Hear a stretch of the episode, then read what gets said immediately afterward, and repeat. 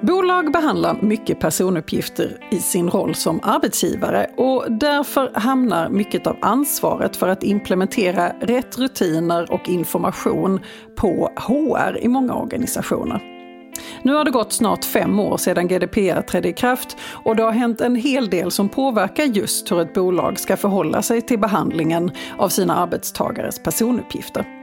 Så idag blir det en nyhetspodd om GDPR ur ett arbetsrättsperspektiv.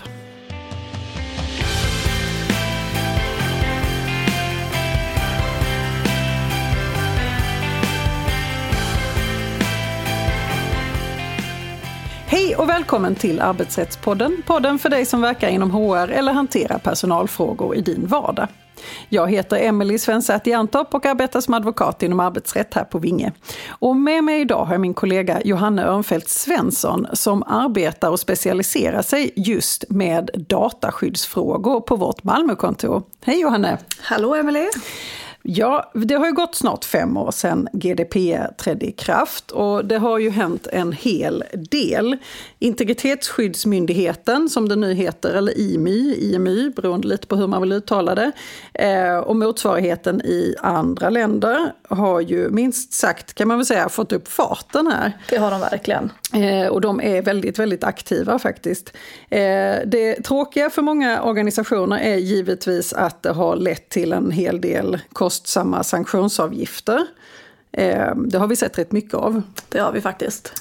Eh, men det positiva skulle jag säga är väl kanske att vi börjar, få, vi börjar få en del praxis som kan vägleda oss i många av de här gråzonerna som det här regelverket faktiskt innehåller. Precis, så det är ju också något positivt med det. Då blir det lite lättare att eh, tillämpa GDPR i vardagen.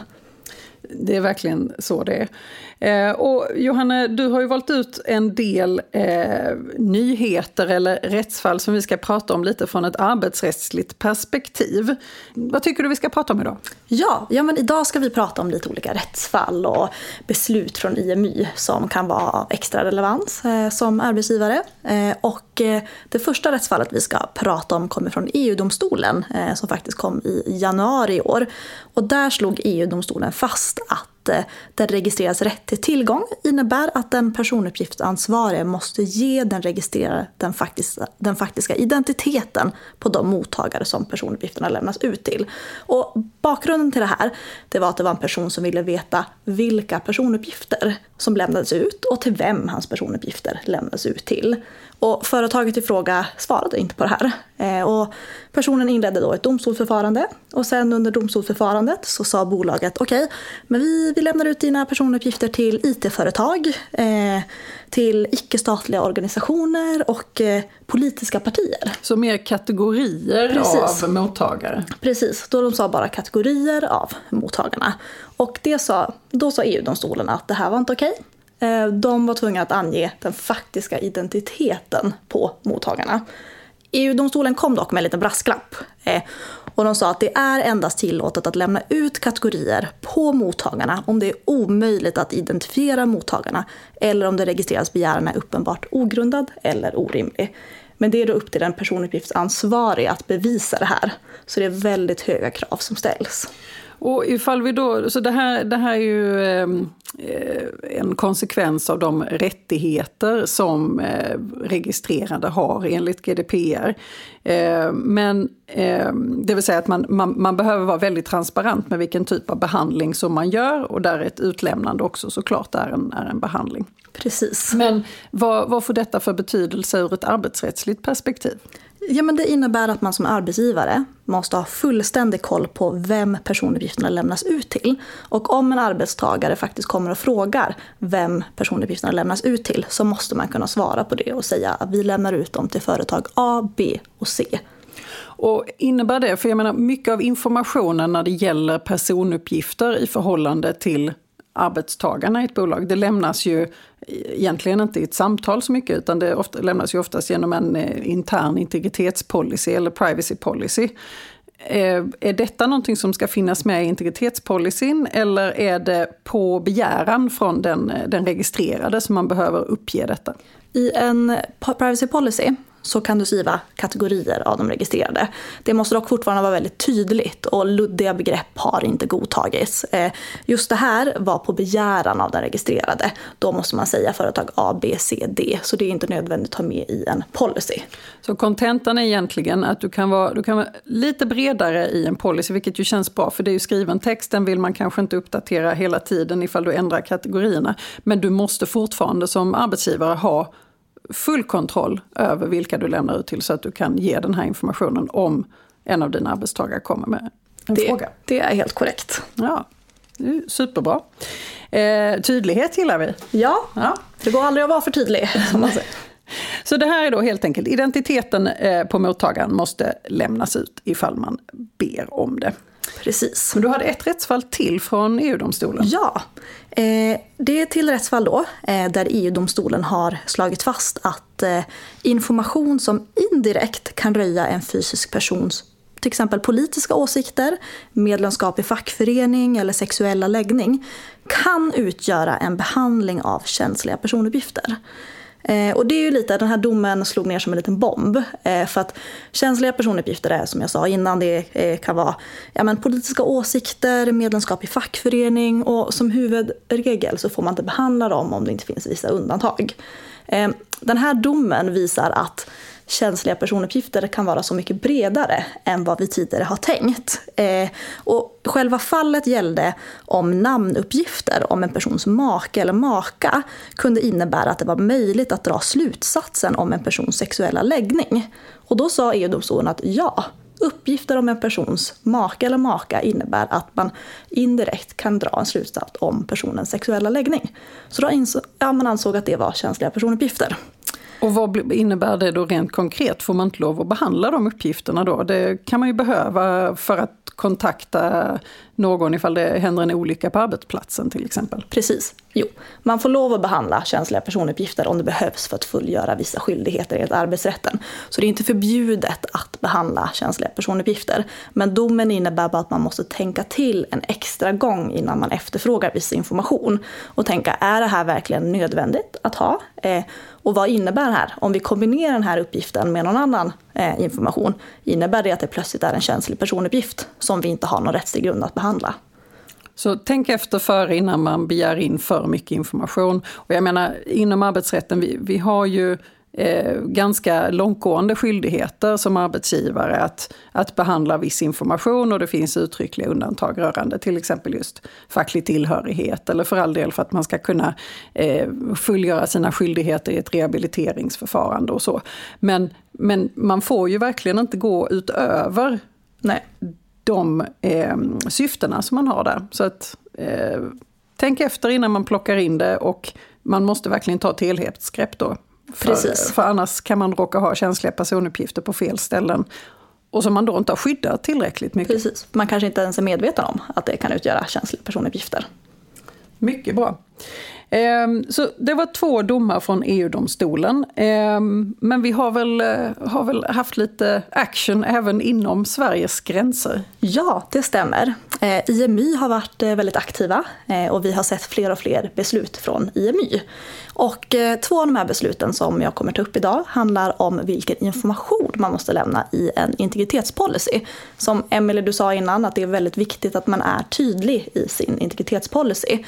Eh, och eh, första fallet eh, som jag ska prata om handlade om att IMY granskade en integritetspolicy. Och där bolaget, de hade faktiskt rätt så bra information tillgänglig. Och bolaget uppdaterade sin privacy policy flera gånger efter kommunikation med IMY. Men där IMY ändå slog fast att informationen som bolaget gav inte var tillräcklig. Och då sa man till exempel att Bolaget har till exempel inte skrivit vilken rättslig grund varje behandling eh, gjordes med. Eh, man hade inte skrivit vilka tredje länder man överförde till. Jag tror man hade en allmän skrivning som att det kan komma att överföras personuppgifter till tredje länder. Och där sa IMY att eh, ja, ni, ni måste skriva exakt vilka tredje länder ni överför till. Och ni måste skriva vilken rättslig grund och vilket syfte för varje enskild behandling. Så då, eh, då sa IMI att tyvärr, det här var inte tillräcklig information och utfärdade en sanktionsavgift till bolaget. Och eh, efter det här beslutet från IMI så har flertalet aktörer börjat se över sin privacy policy. Eh, och det är väl också den rekommendation vi vill ta med oss att det kan vara en bra idé att kolla på era privacy policies för att se att man har all information med som krävs. Och här är det ju en härlig balansgång mellan att man som, som eh, personuppgiftsansvarig har en skyldighet att tillhandahålla eh, då mycket information och kanske till och med ännu mer information än vad man trodde från början. Eh, samtidigt som att den här informationen ska presenteras på ett lättillgängligt och begripligt sätt. Precis, det är ingen eh, lätt balansgång. Det nej, där. Och det, nej, men och det, det, det, finns nog flera som, som eh, kan se över sina personuppgiftspolicies. Och det gäller väl då både den interna policyn och den externa policyn. Det gäller både intern och extern. Eh, så väldigt höga krav på informationen helt enkelt. Mm. Eh, du hade ett case till tror jag. Ja, och det handlar om lite samma sak. Eh, där granskade IMY ett bolag. Eh, egentligen början av granskningen var att det hade uppkommit Eh, man hade fått information om att bolaget kamerabevakade sina anställda. Eh, och det inledde IMY en eh, granskning på. IMY kom fram till att det var faktiskt okej okay att kamerabevaka, om, kamerabevaka området. Men de kom fram till att bolaget hade faktiskt inte informerat tillräckligt i deras policy. Det fanns inte tillräcklig information om att kamerabevakningen ja, skedde. Och, och de hade faktiskt information om det, men det var bara att själva informationen i kamerabevakningen inte var tillräcklig. Eh, så att, ja. Så igen, höga krav på vad man lämnar för information. Och jag menar det här med kamerabevakning det är ju en otroligt integritetskänslig eh, åtgärd såklart. Och särskilt på en arbetsplats där man som arbetstagare ju behöver befinna sig såklart. Eh, så kraven är ju väldigt högt ställda på att det ska vara tydligt. Och där, det jag tänker att man kan ta med sig här är ju att det kan ju vara så att eh, ens behandling och ens kamerabevakning förändras kanske genom, under tiden. Ja. Eh, kamerabevakning ska man inte göra utan till exempel att man har Eh, Eh, god grund för att man ska göra det. Eh, och låt säga att det då har skett ett flertal incidenter eh, och man misstänker att någon till exempel stjäl från arbetsplatsen eller att det finns externa stölder eller så. Och man därför beslutar om att ja, men nu finns det grund för att kamerabevaka. Då måste man, inte nog med att man behöver installera detta på ett bra och säkert sätt, man måste verkligen se till att man får ut informationen till de anställda. Precis, och informationskraven även här är lika höga som i det rättsfallet jag berättade om innan. Så det krävs liksom att man har med alla lager av information så att den registrerade har full koll på vilka rättigheter de har till exempel, hur länge kamerabevakningen sker och för vilka rättsliga grunder.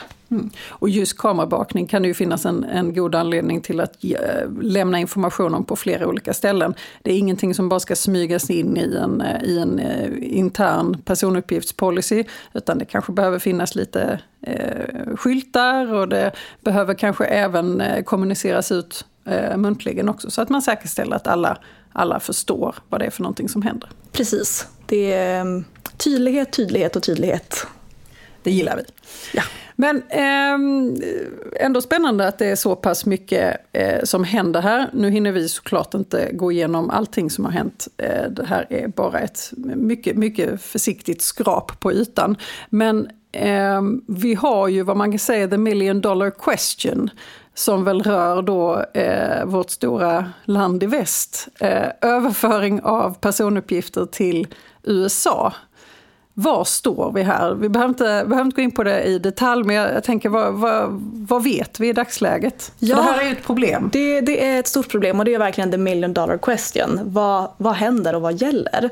Eh, och eh, ja, som många säkert vet så är det problematiskt i nuläget att överföra personuppgifter till USA på grund av att EU-domstolen i 2020 ogiltighetsförklarade eh, överföringsmekanismen Privacy Shield. Och då har man gått lite fram och tillbaka, det har kommit ut lite riktlinjer, man har inte helt vetat hur, hur ska man göra och hur ska aktörer göra som använder sig av amerikanska bolag? Eh, för det är ju väldigt, väldigt vanligt. Och det handlar helt enkelt om att man behöver säkerställa att uppgifterna är skyddade även eh, även när de har överförts till USA. Precis. Men det senaste nytt då angående överföring i USA, det var att eh, i december förra året så publicerade EU-kommissionen eh, sitt utkast på beslut om att eh, USA hade en adekvat skyddsnivå.